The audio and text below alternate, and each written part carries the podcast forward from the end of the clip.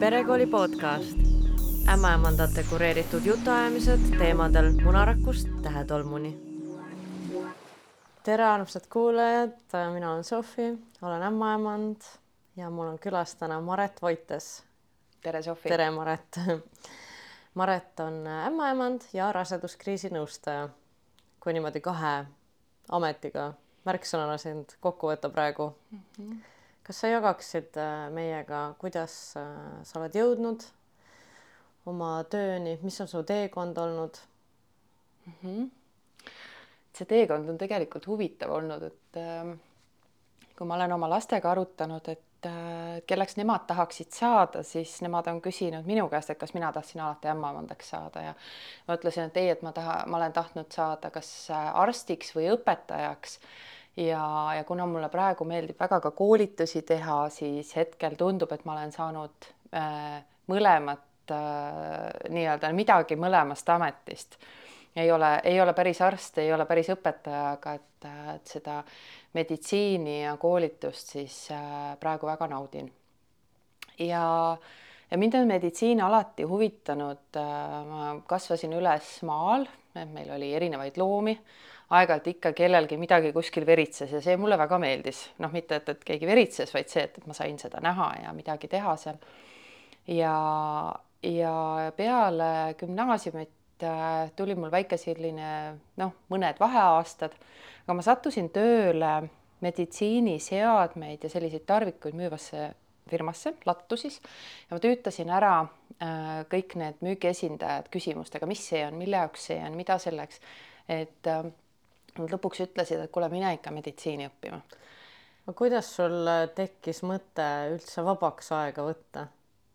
Äh, see mõte tekkis sellest, et ma ei saanud äh, kooli sisse, kuhu ma tahtsin. kuhu sa tahtsid sisse saada? ma proovisin pedasse, et ta oli noh, Tallinna Ülikool, siis ta oli peda ja ma tahtsin minna inglise keelt õppima äh, mul oli tunne, et, et Tartusse ma ei hakka üldse proovimagi, mis sest, et mul hinded olid head, aga millegipärast sellist eneseusku jäi puudu ja, ja siis ma sinna Tall-, noh, Pedasse siis Tallinna Ülikooli sisse ei saanud. olin väga löödud sellest ja siis ma läksin Ameerikasse lapsehoidjaks hoopiski. au pair'iks? au pair'iks läksin, aasta aega olin seal.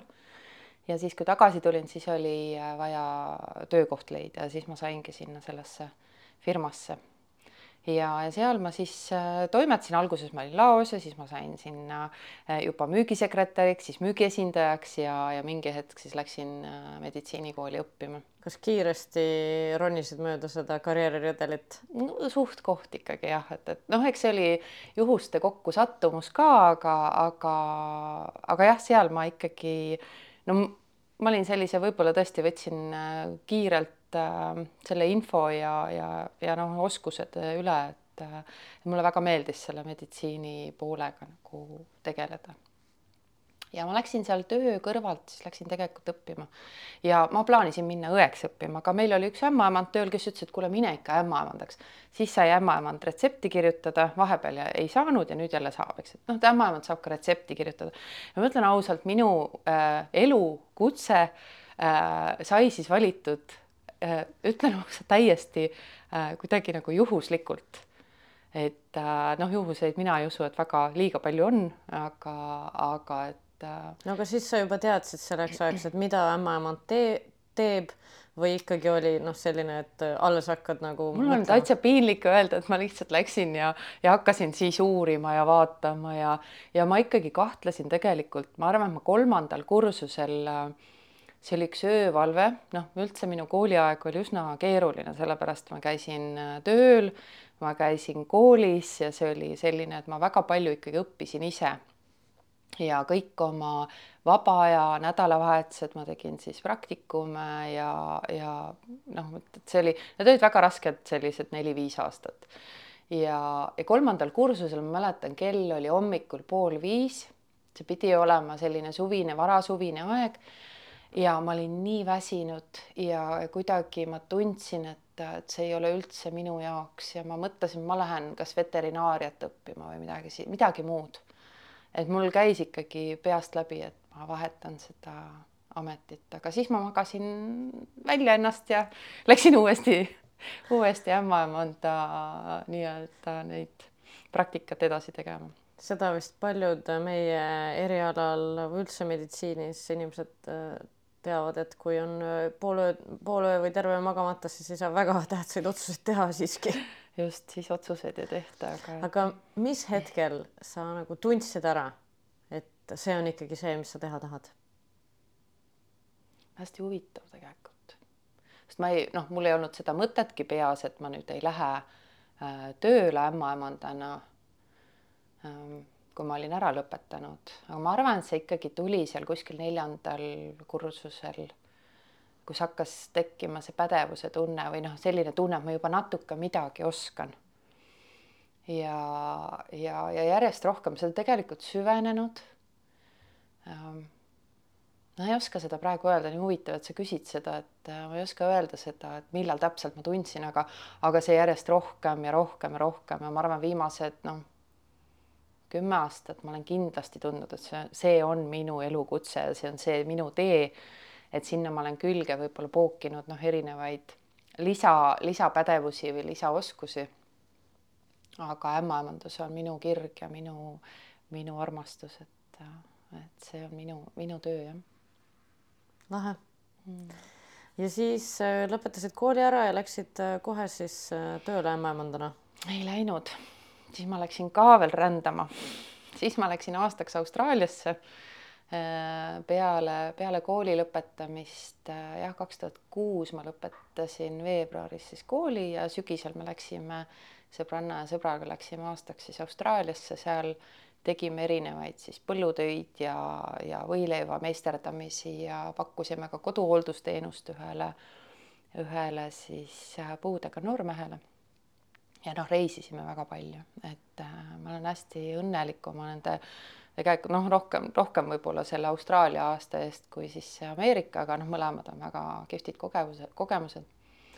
ja siis ma tulin tagasi ja kuna esimene jaanuar oli siis riigipüha, siis mind sellel päeval tööle ei vormistatud, aga teisel jaanuaril kaks tuhat kaheksa läksin ma siis Pelgulinna sünnitusmajja tööle ja, ja kuni siis nii-öelda oma teise lapsega mm, lapsehoolduspuhkusele jäämiseni siis kaks tuhat kuusteist lõpus siis vahelduva eduga siis töötasin seal erinevate, erinevatel ametikohtadel aga seal Austraalias sul ei tekkinud mõtet, et jääda sinna või proovida ämmaemanduskarjääri seal?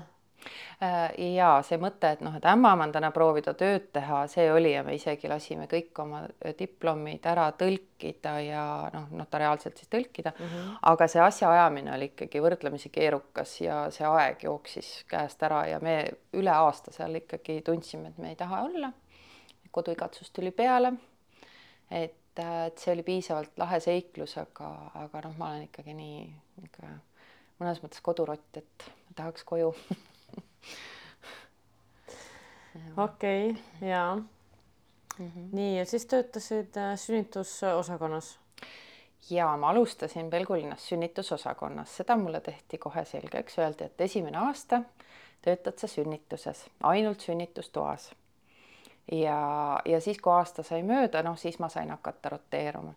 ehk ma sain tegelikult väga hea äh, kogemuse ja praktika seal selle esimese aastaga. Ja, ja, ja üldse tegelikult äh, üsna kiirelt värvati mind ka perekooli lektoriks, et ma terve selle aja, mis siis nüüd praegu noh, ütleme kaks tuhat kaheksa kuni siiani, see on siis viisteist, varsti kuus, ei ongi kuusteist aastat nüüd, olen teinud äh, ka perekooli loenguid, et, et see vanemahariduse teema on minule hästi südamelähedane, et äh, et neid teinud ja, ja siis, siis jah, erinevaid, erinevaid alasid, rasedaid jälginud, viljatusravis olnud, imetamisnõustamist teinud, sünnitustel käinud, et et see selline, just proovida seda mitmekülgsust, et mida ämmaemanda töö hõlmab endas. pakub jaa. aga millal tuli siis see raseduskriisi nõustamine sulle juurde, millal tuli sul see mõte? see mõte tuli tegelikult täitsa esimesel tööaastal, sest see kursus algas septembris kaks tuhat kaheksa ja, ja ma arvan, et et, see tuli nende esimeste keeruliste lugudega, kus, kus siis tõesti oli tegemist lapse kaotusega. Ja kuigi see oli nii valus teema, siis mina noh, mul oli esimesel esimesel aastal alguses oli mul juhendaja ka ja ma juhendajale ütlesin, et, et räägi mulle, näita, mida me teeme, kuidas me läheneme, mida me perele ütleme. ja, ja mul oli väga raske ka omaenda tunnetega toime tulla nende, nendes olukordades, kus oligi laps surnud. ja, ja kui ma kuulsin, et selline võimalus on, et minna õppima, siis ma võtsin sellest kinni ja ma ei kahetse seda ka siiani. ja ma arvan, et see ütleme, selline raseduskriisi nõustamise noh, baasõpe, mis kaks aastat on, et, et seda võib-olla on palju ja see võib-olla ei olegi kõigi jaoks, aga et ämmaemand eh, igal juhul peaks saama üsna süvitsi sellist äh, psühholoogilist ja, ja emotsionaalse nagu noh, ütleme, et kuidas seda tuge perele pakkuda.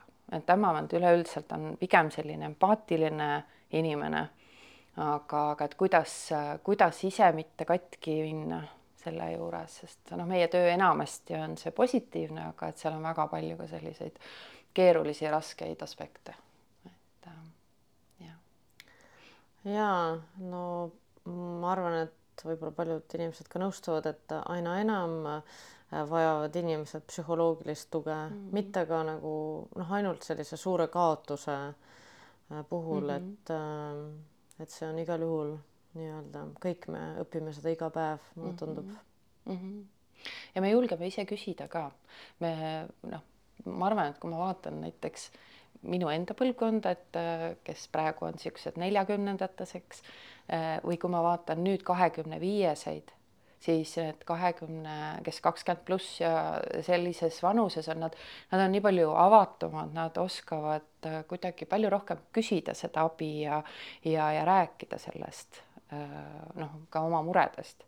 et mulle vähemalt tundub nii. aga, aga jah, et, et, et seda, seda tuge on vaja ja eks see maailm on praegu nii kuidagi pingeline ja kiire ja kas see raseduskriisi nõustamine, tead sa, on ka mujal maailmas levinud äh,? ta sellisel kujul kindlasti noh, nii-öelda kuskil on, aga et noh, et sellise nimega sellisel, sel-, täpselt sellisel kujul, ma arvan, päris nii ei ole. ma arvan, mingil määral me oleme ainulaadsed, et pakume päris sellist eraldi eraldi noh, ütleme, et teenusena aga neid elemente ja neid sarnaseid, sarnaseid ütleme, teenuseid kindlasti on. et noh, ma, ma olen aru saanud, et näiteks Taanis, Taanis on saanud ämmaemand sellise äh, spetsiaalse väljaõppe juba ja siis sellised keerulised noh, ütleme riskirasedad või kellel on keerulised lood, nemad suunatakse juba sellise noh, väljaõppe saanud ämmaemanda poole. aga täna meil Eestis on ikkagi raseduskriisi nõustajad äh, erineva taustaga äh, siis äh, sellise baasväljaõppe saanud äh, spetsialistid mm. -hmm. et see paar aastat on siis see väljaõpe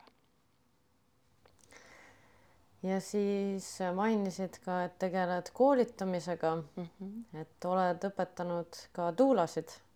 ja ma olen saanud selle toreda võimaluse paari, paari kursusega tööd teha ja neile siis raseduse ainet anda ja mulle väga on meeldinud see, et jagada siis äh, oma teadmisi ja kogemusi ja, ja õpetada. Aga mitte ainult tuulasid, et nagu, nagu ma ütlesin, perekooli loenguid teinud ja, ja kunagi ka perekooli lektoreid koolitanud ja noh, ämmaemandate ühingu alt siis teinud ka erinevaid mingisuguseid töötubasid ja, ja, ja ettekandeid, et, see pool mulle meeldib. kas sa see aasta oled ka tuulade õppega seotud? jah, olen jah, et minu aine on praktiliselt läbi, andsin sellel aastal ka raseduskriisi teemat neile, et, et seda veel natukene kevadel tuleb, aga et et praegu noh, minu, minu aine on siis nii-öelda läbi saanud selleks aastaks. Kas see kursus on praegu populaarne, et on palju naisi, kes tahavad tuulaks saada?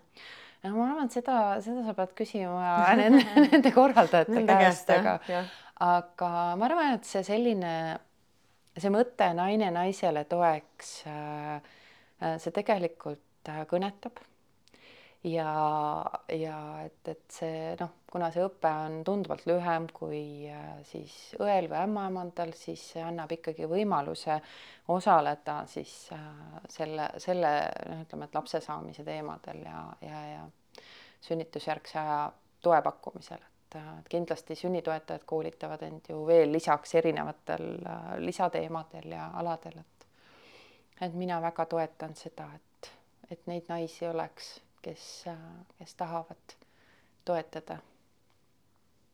ja ma arvan ka, et see on väga oluline mm. -hmm ja milliste toredate projektidega sa siis veel oled seotud ja et no ma olen jah selline, kellele tegelikult no ma liiga kaua oma käed süles ei istu.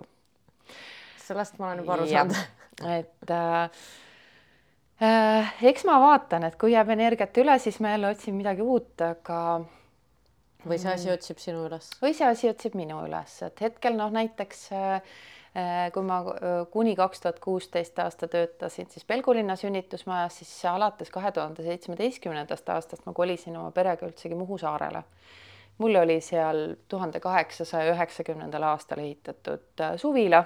ma pidin mõtlema, kui ammu see jah, see oli ikka väga-väga ammu, eks ju ja hakkasin seda siis selline noh, vana väike rehielamu, tõesti pisike äh, rookatusega armas majake ja hakkasin seda siis renoveerima oma kuuekuuse beebi kõrvalt ja kuueaastase lapse kõrvalt ja ja, ja, ja alguses oli plaan jääda sinna ajutiselt, aga noh, ajutised asjad kipuvad niimoodi jääma ja no kuna ma kogu aeg tegelikult, kui ma käisin seal äh, juba teismeeast alates, tundsin, et ma olen koju jõudnud ja ma ei tahtnud sealt kuhugi minna, sealt suvilast.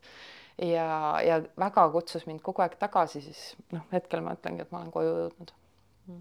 et Muhu saarel on hetkel mu kodu ja, ja sinna ma siis hakkasin vaatama, et kus, kuidas ma seal siis saan nii-öelda tööd teha, et äh, olgugi, et esialgu oli laps oli väike ja ma nii-öelda kohe tööle ei pidanud minema, aga noh, ikkagi vaatasin veidikene edasi. ehk siis äh, viisin siis nii-öelda selle raseduskriisi nõustamise saartele, Saaremaa, Hiiumaa. Äh, sinna tuli juurde, noh, Muhu, Muhus ka, kui vaja, äh, sinna tuli juurde mõned aastad tagasi ka Läänemaa piirkond, kus siis meil oli pilootprojekt ja kuhu siis ma ka nii-öelda oma kontaktid viisin ja, ja kust siis naised ka praegu mind üles leiavad. ja, ja siis ma olin mõnda aega, olin Muhu noortekeskuses, olin noorsootöötaja, et et äh, hea kodu lähedal olla, tegin ka oma raseduskriisi tööd. eelmise aasta algusest äh, olen Kuressaare haiglas siis nüüd ka ämmaemandana, äh, võtan siis naisi mm, nii-öelda nõuandlas vastu. ja, ja noh, nii-öelda kui on vaja, siis aeg-ajalt teen ka mõned perekooliloengud mm suviti ma pakun majutusteenust, et et oli jah, algul oli mõte, et kui sõbrad tulevad, et kus neid majutada, aga et siis siis vaatasin, et, et see on täitsa tore viis, kuidas raha juurde natukene teenida ja ja, ja tundub, et see vaikselt on ka arenenud ja kasvanud, see majutuse osa. ja, ja siis ma olen jah, mm, perekooli lehega teinud, see on Maamantete Ühingus siis veebileht perekool.ee, selle, sellega ma olen teinud tööd. hetkel ma teen sinna aeg-ajalt vaikselt artikleid juurde ja, ja viimase aasta üks väga suur projekt, et äh, kaks tuhat kakskümmend kolm siis äh, oli meil Tervisekassaga ja Maamandate Ühinguga ja paljude siis spetsialistidega koos ja Venu meediaga tegime selle Me saame lapse teadmiku, mis on siis kõigile peredele tasuta ja mida ämmaemandad siis hetkel juba nõuandlas jagavad, eks et iga rase, kes tuleb arvele, saab siis selle teadliku. nojah, et, et see sõltub tegelikult, eks seda saab ise otsustada asutus, kas ta jagab seda või ei, aga, aga ta, kui näiteks noh, ütleme, et perearstikeskused ei, ei jaga, siis seda saab tellida ka sealt äh, Tervisekassast äh,, sealt trükiste osakonnast või siis äh, vaadata perekooli lehelt, et seal on eraldi alapereko-, noh, ala, alaleht on, me saame lapse siis perekooli lehel et selline, selline hästi armas äh, armas teadmik jah. aga kas enne oli ka nagu selline, no siin on nüüd kogutud tõesti, ma ka üks päev sirvisin seda mm, -hmm. et mhm. seal on hästi palju infot äh, erinevatest asjadest. et kas selline oli, teadmik oli enne ka olemas mm? -hmm. ta oli kunagi varem, ma nüüd aastat ei oska sulle öelda mm, -hmm. aga, aga eks see info ju natukene aegub, aegub. ja, ja, ja noh, ütleme, et, et noh, mingid asjad lapse, lapse sündimise põhimõtted jäävad ikka ju samaks, eks ju, füsioloogia no, ei muutu ja, ja imetamisel äh, on ju ka mõned ikkagi baastõed, aga aga siiski see info muutub ja mhm. mõned meie noh, töövõtted muutuvad, soovitused muutuvad ja, ja tegelikult ka naised ise muutuvad ja nende soovid. Ja, ja see oli jah, kui ämmaemandate ühingu poolt äh, tehti siis ettepanek, äh, et kas ma sooviksin seal siis kaasa lüüa, siis ma hea meelega võtsin vastu selle. mis sa siis tegid, sa kirjutasid neid tekste, toimetasid, otsisid infot? Äh, ütleme niimoodi, et kirjutas ikkagi Menu Meedia ajakirjanik ja, ja Krista, Krista Kivisalu, jah Kivisalu, just Krista Kivisalu, kes selle kõik kokku kirjutas, ta tegi väga-väga tubli tööd. küll aga ämmaemandate ühingu poolt mina siis äh, tervitan ämmaemand Irena Bartelsit, kellega me siis koos selle nii-öelda noh, kondikavad ja, ja, ja siis spetsialistid leidsime ja noh, palju sisendit ka ise ja pärast siis kõik need kontrollid, asjad tegime, et äh, et äh, jah, palju, palju sai ka minu nii-öelda noh, sellist äh, enda kirjutatud, mida siis ajakirjanik natukene siis ümber äh, veel natukene sättis. mis olid mingid väljakutsed, olid, oli midagi sellist? kindlasti oli. Ma arvan, et see väljakutse oli, oli kohati see, et, et kui palju, eks, et kui palju seda infot sinna panna äh, ja, ja, ja et, et kas, kas ja kuidas ta saaks ikkagi tänapäevane ja selline et ta oleks nagu ja. mõnusasti loetav on ju. et ta oleks ka mõnusasti loetav, eks ju mm -hmm., et sellest oleks kasu, et see ei ole jälle mingisugune lihtsalt üks väike ilus asi nurgas, vaid et tõesti, kui sul on mure, saad vaadata näiteks seal imetamise kohta või beebi kohta või sünnituse küsimusi või, või et et see ja et see, et see jätkuks ka nüüd noh, mitmeteks aastateks. ja ma tahtsin just küsida -hmm. mis sa arvad, kaua selline asi nagu kestab? No eks näis. eks näis, eks näis. küsi uuesti viie ja kümne aasta pärast, aga no ma kujutan ette, et selline viis kuni seitse aastat võiks see info ikkagi nii-öelda olla veel adekvaatne seal, et eks siis peab hakkama jälle uuesti võib-olla, võib-olla ka jooksvalt sisu toimetama, et kui midagi selgub, et muudetakse, et mm. -hmm. ma tahtsin veel küsida, et kas mm -hmm. oli mingit sellist infot, mis oli ka sinu jaoks üllatus?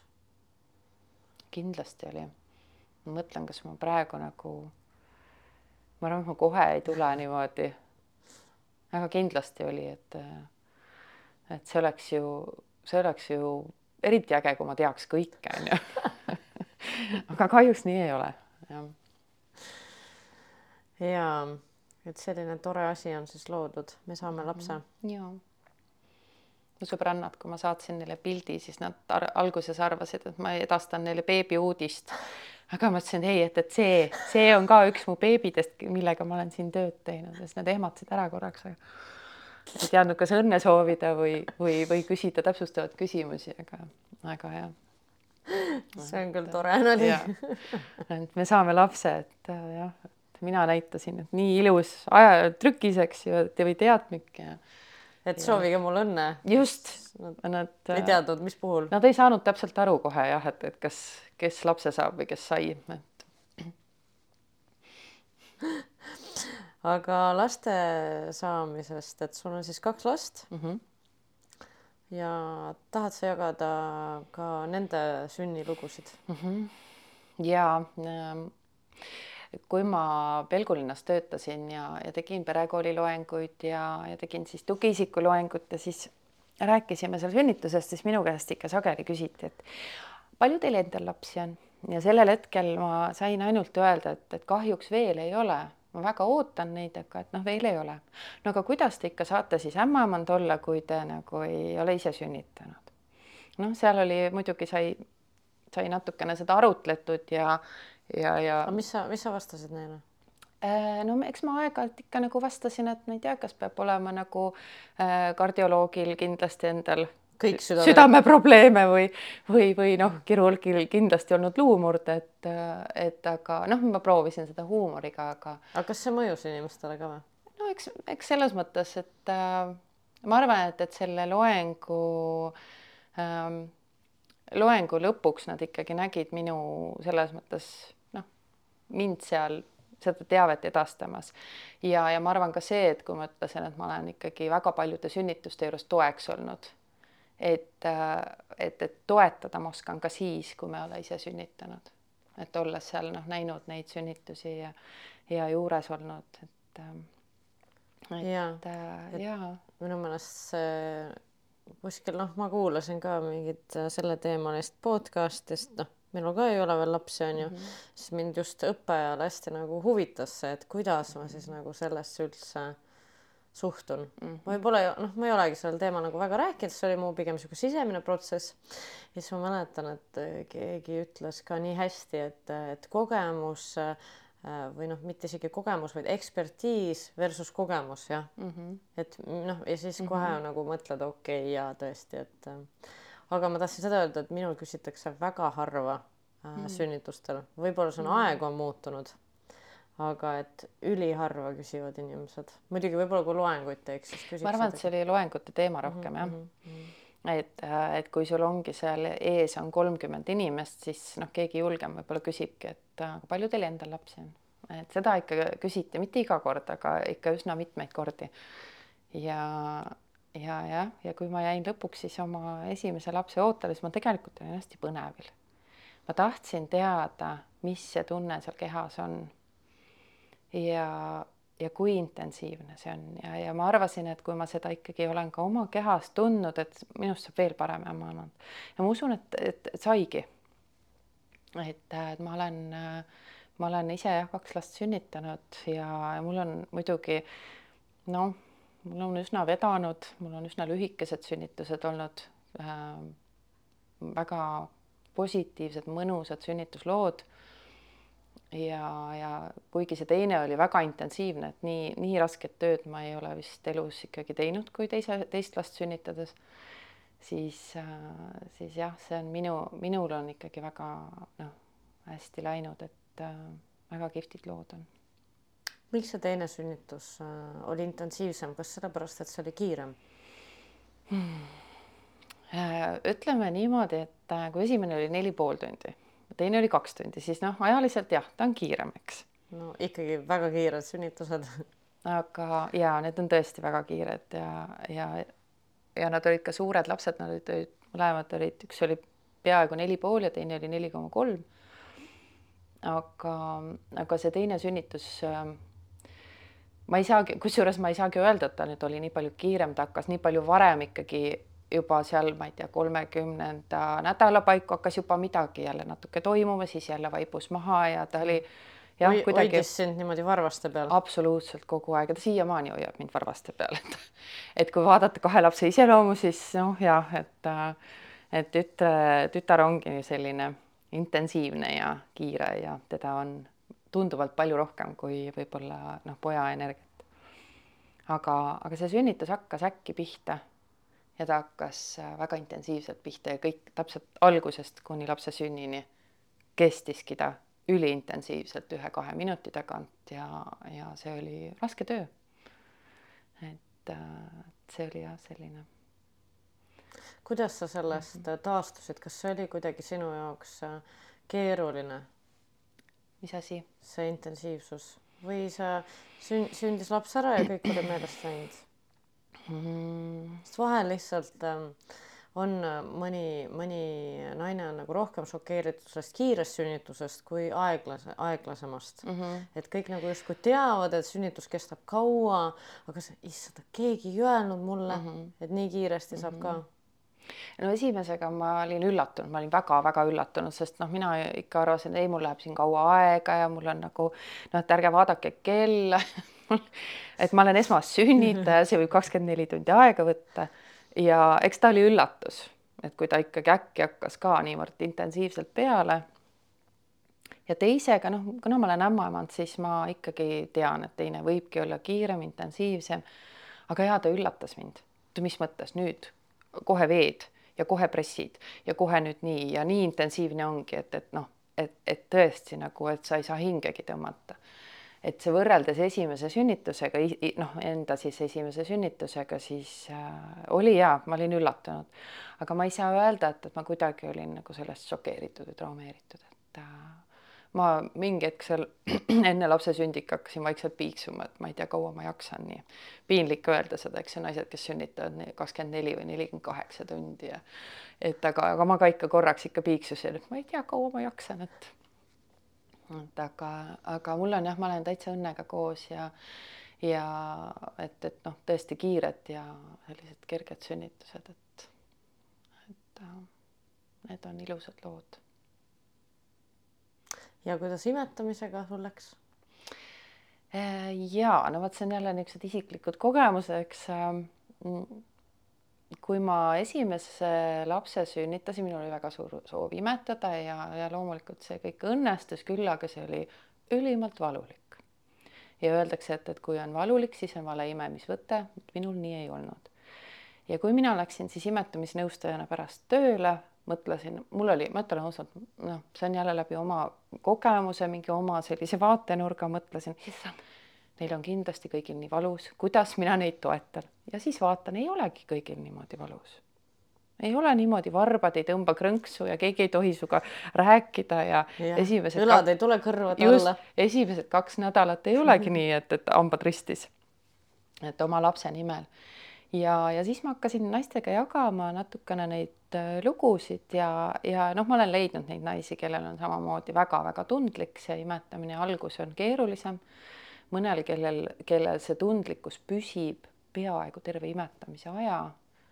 et, äh, et, et siis ma nagu noh, teise puhul siis ma ikkagi juba teadsin, et mis mind ees ootab ja ega see kergem ei olnud, aga, aga ikkagi poolteist aastat, ei päris poolteist ei olnud, et aasta kolm kuud, aasta kaks kuud ma niimoodi mõlemat imetasin mm. -hmm. no mulle väga meeldis tegelikult, kui see, kui see nagu see paremaks läks pinge ja valu ja stress üle läks, et et, et see oli eriti es esimest korda emaks saades, sa ei tea, kaua need asjad kestavad. kas see on normaalne ja nii edasi. nojah, ega tegelikult ja spetsialistid või sa ise ka ei saa nagu öelda, et aa, et noh, mhm. nüüd läheb nädal või kaks mm -hmm. või. ma mäletan, kui ma käisin sünnitusmajas äh, toetamas ühte äh, imetamisnõustajat äh,. ta ei olnud eestlane, ta oli, äh, ta oli meil lähinaaber ja ta millegipärast, ma ei, ma ei mäleta, miks ta meil äh, Eestis sünnitas. ja see naine oli ise nii häiritud, et ma olen imetamisnõustaja, kuidas ma ei oska imetada, et kuidas mul on nagu, ma peaks olema spetsialist aga et see iseenda esimene kogemus, see, et ta ütles, ma ei, ma ei oska seda kätt kuskile panna ja ma kuidagi nagu, mul jääb üks käsi jääb puudu mm. -hmm et, et, et see tuleb mulle kohe meelde, et kuidas sa, sa võid olla ise spetsialist, sa võid olla ämmaemand, imetamisnõustaja, kõik nõustajad. ja tegelikult sul on ikkagi vaja tuge. ja, ja noh, mina sain ka seda ikkagi seda imetamisnõustamist, tuge sain oma noh, sõbrannalt, ämmaemandalt ja ja, ja ka, kui mul on mingeid küsimusi olnud oma lastega seoses, oma raseduste või sünnitusjärgse taastumisega, siis ma pöördun ikkagi ämmaemanda või naistearsti poole, et et kes mind siis toetavad. et sa endal ei saa ikka päris spetsialist olla, isegi kui oled mm.. ei tea, kas peabki? ei peagi vist jah. et sa saad olla ka naine mm. ja ema ja et äh, noh, jõuame nagu sellesse kohta, et okei okay on abi küsida mm. -hmm. absoluutselt kes siis äh, on sind äh, sellel teekonnal nagu inspireerinud või ma ei teagi, kas kes või aga, või mis, mis on sind nagu kandnud? sa mõtled nüüd äh, millist teekonda? no üldse ämmaemanda. ämmaemandana ikka jah mm? -hmm. Mm -hmm. ma arvan, et neid äh,, neid eeskujusid mm, neid ämmaemandaid nagu nii-öelda suure tähega ämmaemandaid me näeme ju, kui me lähme näiteks, ma ei tea, oma ämmaemandate ühingu konverentsile, me näeme neid Eesti, Eesti kihvte ämmaemandaid, kes tõesti teevad oma tööd suure armastuse ja kirega. ma arvan, et need on need ämmaemandad, kes mind tõesti inspireerivad, kelle noh, ma tahaks loota, et kelle hulgas ma ka ise olen mm,. mul on äh, kui ma olin seal äh, ämmaemandate ühingu juhatuses, siis ma sain nendega ka koostööd teha. ja, ja mul on ka mõned väga head sõbrad, kes või noh, sõbrannad, kes on siis ka ämmaemandad, et kui me kokku satume, siis me ikkagi alati räägime, me ikka läheb jutt raseduste, sünnituste ja ja kõige selle peale ja, ja noh, see on, see on selline noh, kui tekib selline nauding, et sa saadki jagada ja samamoodi ka neid keerulisi lugusid. Et kui vaja, siis helistame teineteisele ja jagame. aga, aga jah, et, et noh, minu sellised armsad, armsad eeskujud nagu Tiina Unter ja Ingrid Kaoküla ja, ja Siiri Põllumaa ja mul ja noh, minu armas sõbranna Elina, et äh, et see on ikka mõnus punt, noh, neid on veel, ma muidugi kõiki ei, mul läheb silm märjaks.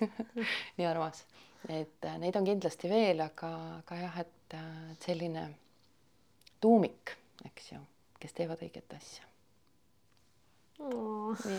ikka armas, ikka noh, ma räägin, et sihuke nagu südamega mm. -hmm. ja need ämmaemandate jutud on jah sellised, et kõik noh, ikka noh, ei saa muust rääkida, kui sülitamisest ja. ja, ja, ja., ja kuidas ikka ma noh, kuidas seda kõike paremaks teha, et see ja, on, see on nagu ka, ma arvan, et peakski olema ja ka noorte ämmaemandate selline eesmärk, et mitte ainult teha oma tööd ära, vaid kuidas saaks asju paremini, kuidas saaks noh, ütleme, et seda süsteemi ka paremaks. et äh, mina nagu selline suur süsteemi muutja, noh, iseenda arust ei ole aga mulle meeldib mõelda, et ma muudan äh, maailma ühe pere kaupa paremaks, et kui ma olen sellele perele näiteks toeks, kas siis ämmaemandana, raseduskriisi nõustajana, imetamisnõustajana või lihtsalt noh, kellegina, et siis juba sealt saab natuke see maailm paremaks. kui need beebid saavad ka pehmelt sündida, siis see, see juba ka toetab, et. jaa ja milliseid äh, projekte on sul veel siis käsil, on sul veel midagi käsil? No eks ikka projekte on palju, et äh, äh, noh äh, hetkel ma arvan, et üks väga suur fookus on läinud äh, raseduskriisi nõustamise süsteemi nii-öelda siis äh, äh, kuidas nüüd selle aasta algusest siis see süsteem muutus, raseduskriisi nõustamine muutus siis äh, tervisesüsteemi osaks, Tervisekassa ja tervishoiusüsteemi osaks. aga kuidas ja... see enne toimis? Äh, ta oli enne ka, aga ta oli läbi, ta oli nagu projektipõhine mm. -hmm. et ta oli väga-väga-väga pikk projekt, äh, mis siis nii-öelda, mida uuendati aga iga projekt peaks saama siis eriti tervishoiusüsteemis peaks see saama ikkagi tervishoiusüsteemi osaks ja nüüd sellest selle aasta algusest see sai. ja kuna ma olen ka Eesti Raseduskriisi Nõustajate Seltsi juhatuses, siis, siis noh, me üritame, üritame ikkagi, et see süsteem saaks ilusti käima ja et, et kuidagi, et neid noh, et saaks seda kuidagi paremaks. et, et siis raseduskriisi nõustajatega me, me noh, vajadusel siis suhtlemegi siis Sotsiaalministeeriumi ja Tervisekassa ja Maamandate Ühinguga. et, et see on praegu võtnud üsna palju ka sellist noh, ütleme minu aega, energiat ja ja ka mõnes mõttes natukene seda kirge sinna juurde, et see on ka üks osa ikkagi minust juba see raseduskriisi nõustaja töö. et ähm, seda ma olen ju ka nüüd teinud oma kolmteist aastat mm. -hmm. kas sul nagu selle käigus äh, huvi psühholoogia vastu ka suurenenud? jaa, absoluutselt ikka jah, eks jooksvalt me koolitame, koolitame ju ka ennast äh, nõustajatena.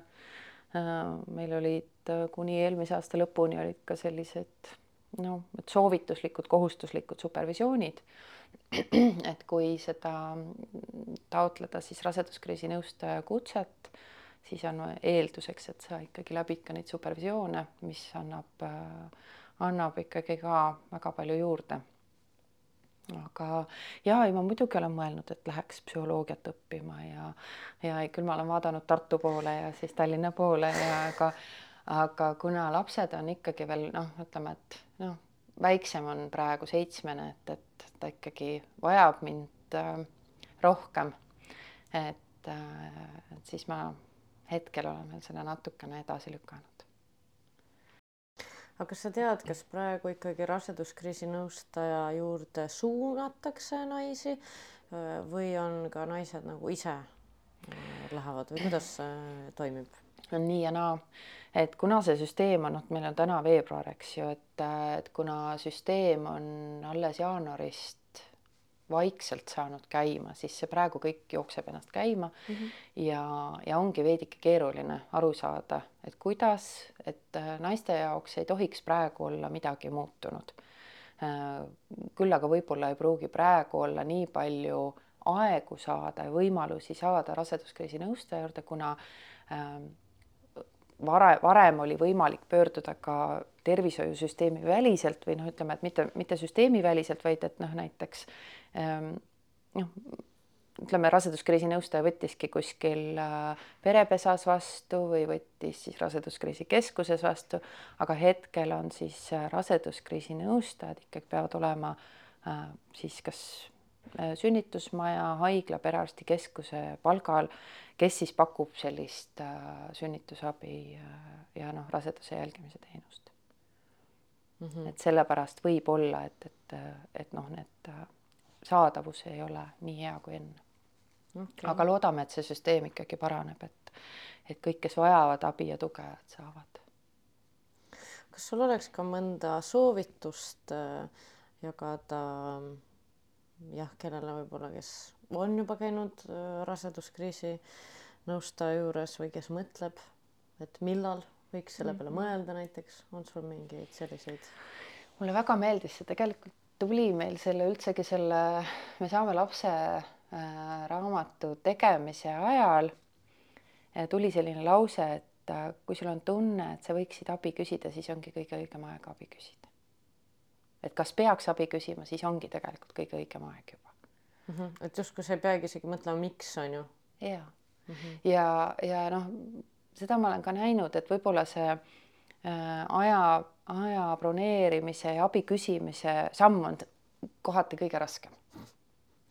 jah, mul oli just lihtsalt, ma tuli praegu sihuke no ärutursatus, ma just ütlesin sõbrannale täna, kes ka nagu mõtleb, et tahaks noh, natuke nõustamist, mhm. psühholoogilist mm -hmm. nõustamist, siis ma kirjutasin talle ka, et kuule, et see esimene samm on kõige mm -hmm. raskem, siis ta kirjutas mulle vastu, esimene samm tehtud mm, -hmm. panin aja mm. -hmm.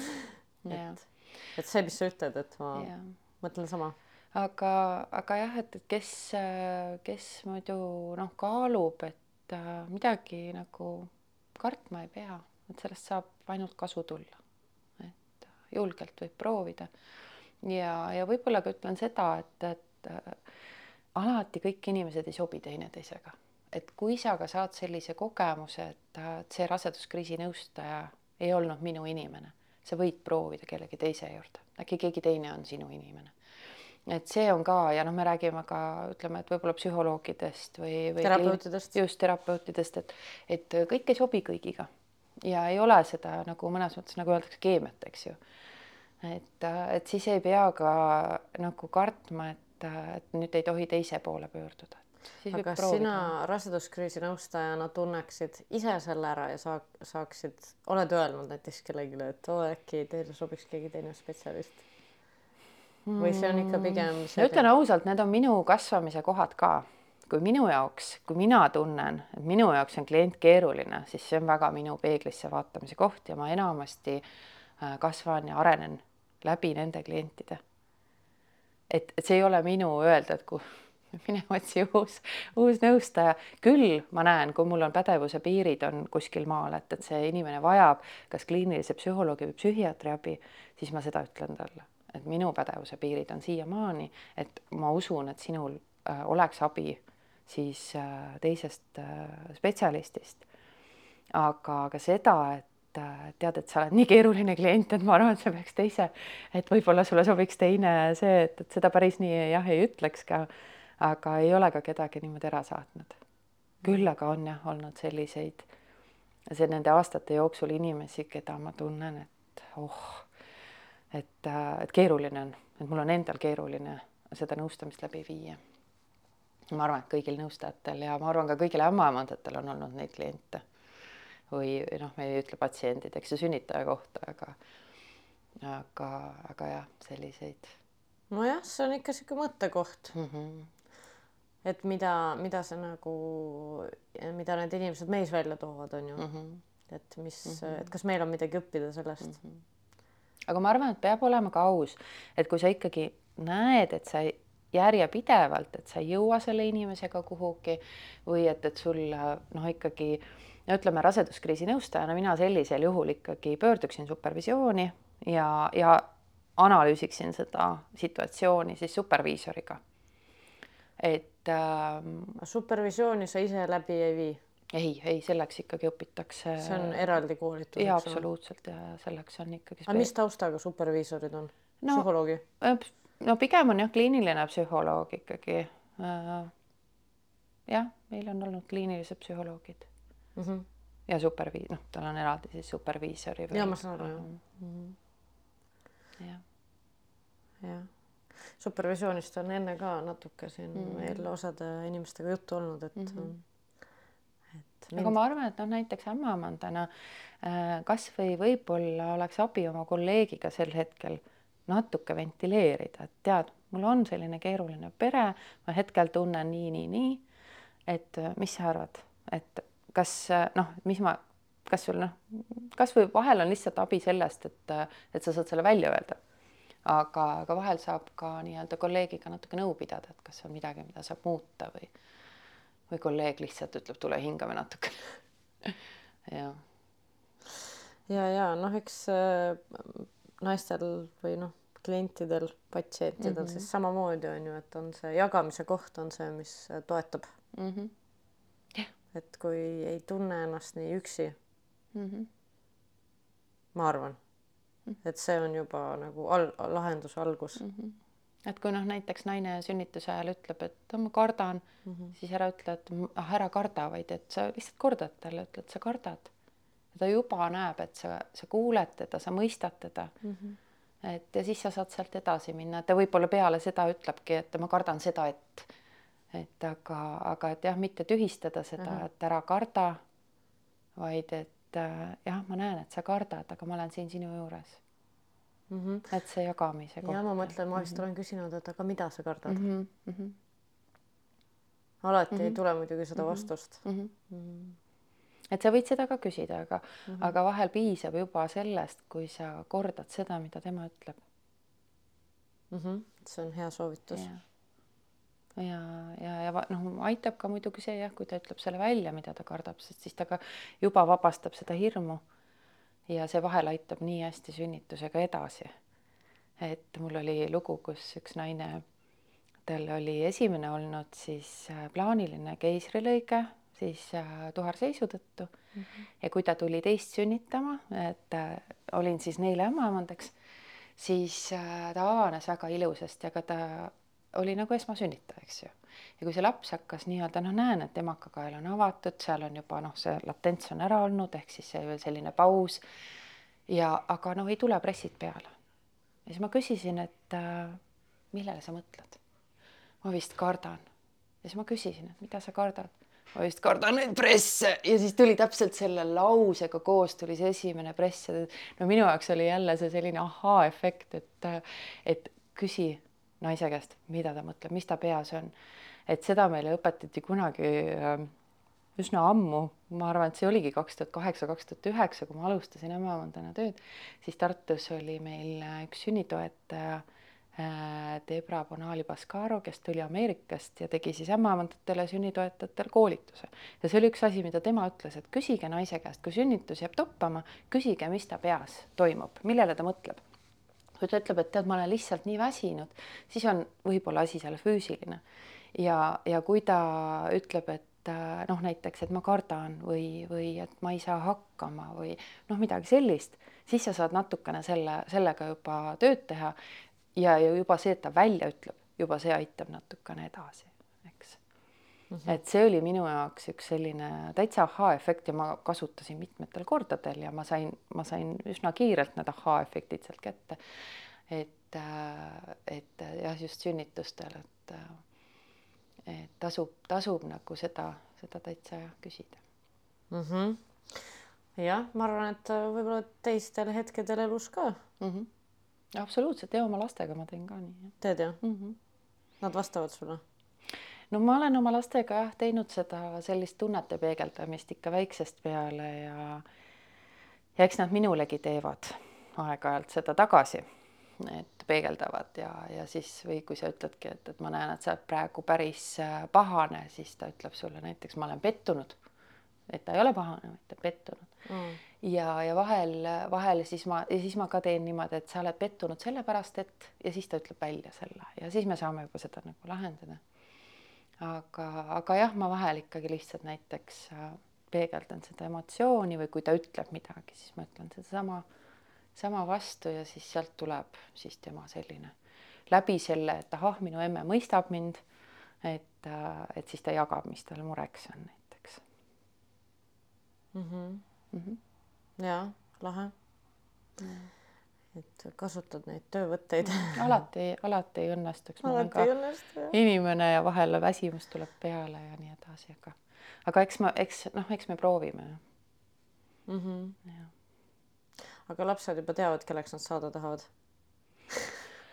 no vanem, vanem laps nagu ei tea, tema kunagi tahtis äh, saada tuletõrjujaks ja, ja politseinikuks, aga, aga see läks mööda, see aeg. Et hetkel ta vist ei tea, aga väiksem, ähm, tema tahab igasuguseid asju, küll tema tahab arstiks ja lauljaks ja tantsijaks ja ja lasteaia, lasteaiaõpetajaks ja lasteaia muusikaõpetajaks ja, ja no tal on, on nagu sarnased mõtted nagu sul olid? jah, ütleme niimoodi, et jah, aga seal on seda laulu ja tantsu ja näitlemist ja sellist väljapoole elamist on hästi palju, et et aga, aga jah, seda, seda ei, päris täpselt veel ei tea ei ole veel töölepingut tehtud ja kooli välja valitud. aga kuule, tänapäeval täiskasvanud muudavad ka oma ameteid mm, -hmm. nii et mm. -hmm. ma arvan, et see on nii äge. ja ma arvan küll, et mm, -hmm. Et see ongi see mitmekesisus mm, -hmm. mis rikastab. ja, ja julgus tegelikult teha see muutus, kui sa tunned, et see ei ole sinu tee. ja mm. -hmm. mina õnneks tunnen, et mina olen nii oma teel, aga, aga et, et noh, ütleme need et see nii see nõustamise pool kui ämmamanduse pool, et kuidas ja kuhu, kuhu see mind välja viib, seda ma täpselt ei tea, aga aga seda ja see koolitaja pool, see ka mulle väga meeldib, et kuidagi neid põimida ja kombineerida. jah, oled liikumises? alati et ma jah, väga pikalt äh, äh, nii-öelda ainult ühte asja teha ei jaksa, see, see on kuidagi liiga mugav on sul siis veel mingeid plaane lähitulevikus, mida ette võtta? Muidugi hästi palju. tegelikult, ei tegelikult, ei no tegelikult äh, ma arvan, et ma praegu natukene vaatan, kuidas oma nende praeguste asjadega toime tulla ja, ja neid, neid äh, nii-öelda äh, tegevussuundasid on piisavalt palju, aga, aga eks ma ikka õpin asju juurde ja ja, ja tahaks, tahaks natukene üks uus projekt on ka, aga ma veel ei tea, ma ei tea, kas ma saan sinna projekti, nii et et eks, eks see selgub siis, kui ma saan, aga, aga jah, ikka on uued asjad ka muidugi. jah, lahe mm. -hmm. nii tore on olnud vestelda ja rohkem saada teada sinu mhm. tegemiste kohta ja et sa avasid ka sellist noh, mõttemaailma ja, ja panid mindki paari asja peale mõtlema mm. -hmm. ja tahtsin siis veel küsida, et kui sa saaksid linna peale panna plakati, mis sa mhm. kirjutaksid? Ma täna mõtlesin selle peale, sest sa ju eelnevalt ütlesid, et kuule. sa et... ütled välja et ei, see on väga hea ja see on tõesti, ma ikkagi valmistan külalised ette. no ühe küsimuseks. asja sa ütlesid mulle ette ja ma arvan, et see oli, see oli hea, sest ma täna tegelikult mõtlesin selle peale, et päris niimoodi pauhti ma ei saakski seda välja öelda, mulle meeldib, et sa mind, mind ette valmistasid. et ähm, et kui ma saaks plakati panna, et oligi see üks oli see naine naisele toeks. Aga enne seda tuli ela ja lase elada. et see on praegu kuidagi selline, et elage ja laske teistel ka elada, et, selline tolerantsus ja, ja selline sõbralikkus Mõistmine. ja mõistmine ja et seda kuidagi on niisugust noh, seda võiks veel rohkem olla, sellist aitamist ja toetamist ja heatahtlikkust, heasoovlikkust, sellist, seda kõike võiks rohkem olla. Jaa, ma olen täiesti nõus. aitäh sulle, Maret mm. -hmm, et oma aega jagasid. ja läks aeg päris kiirelt. jah, läks. ja aitäh sulle. aitäh sulle.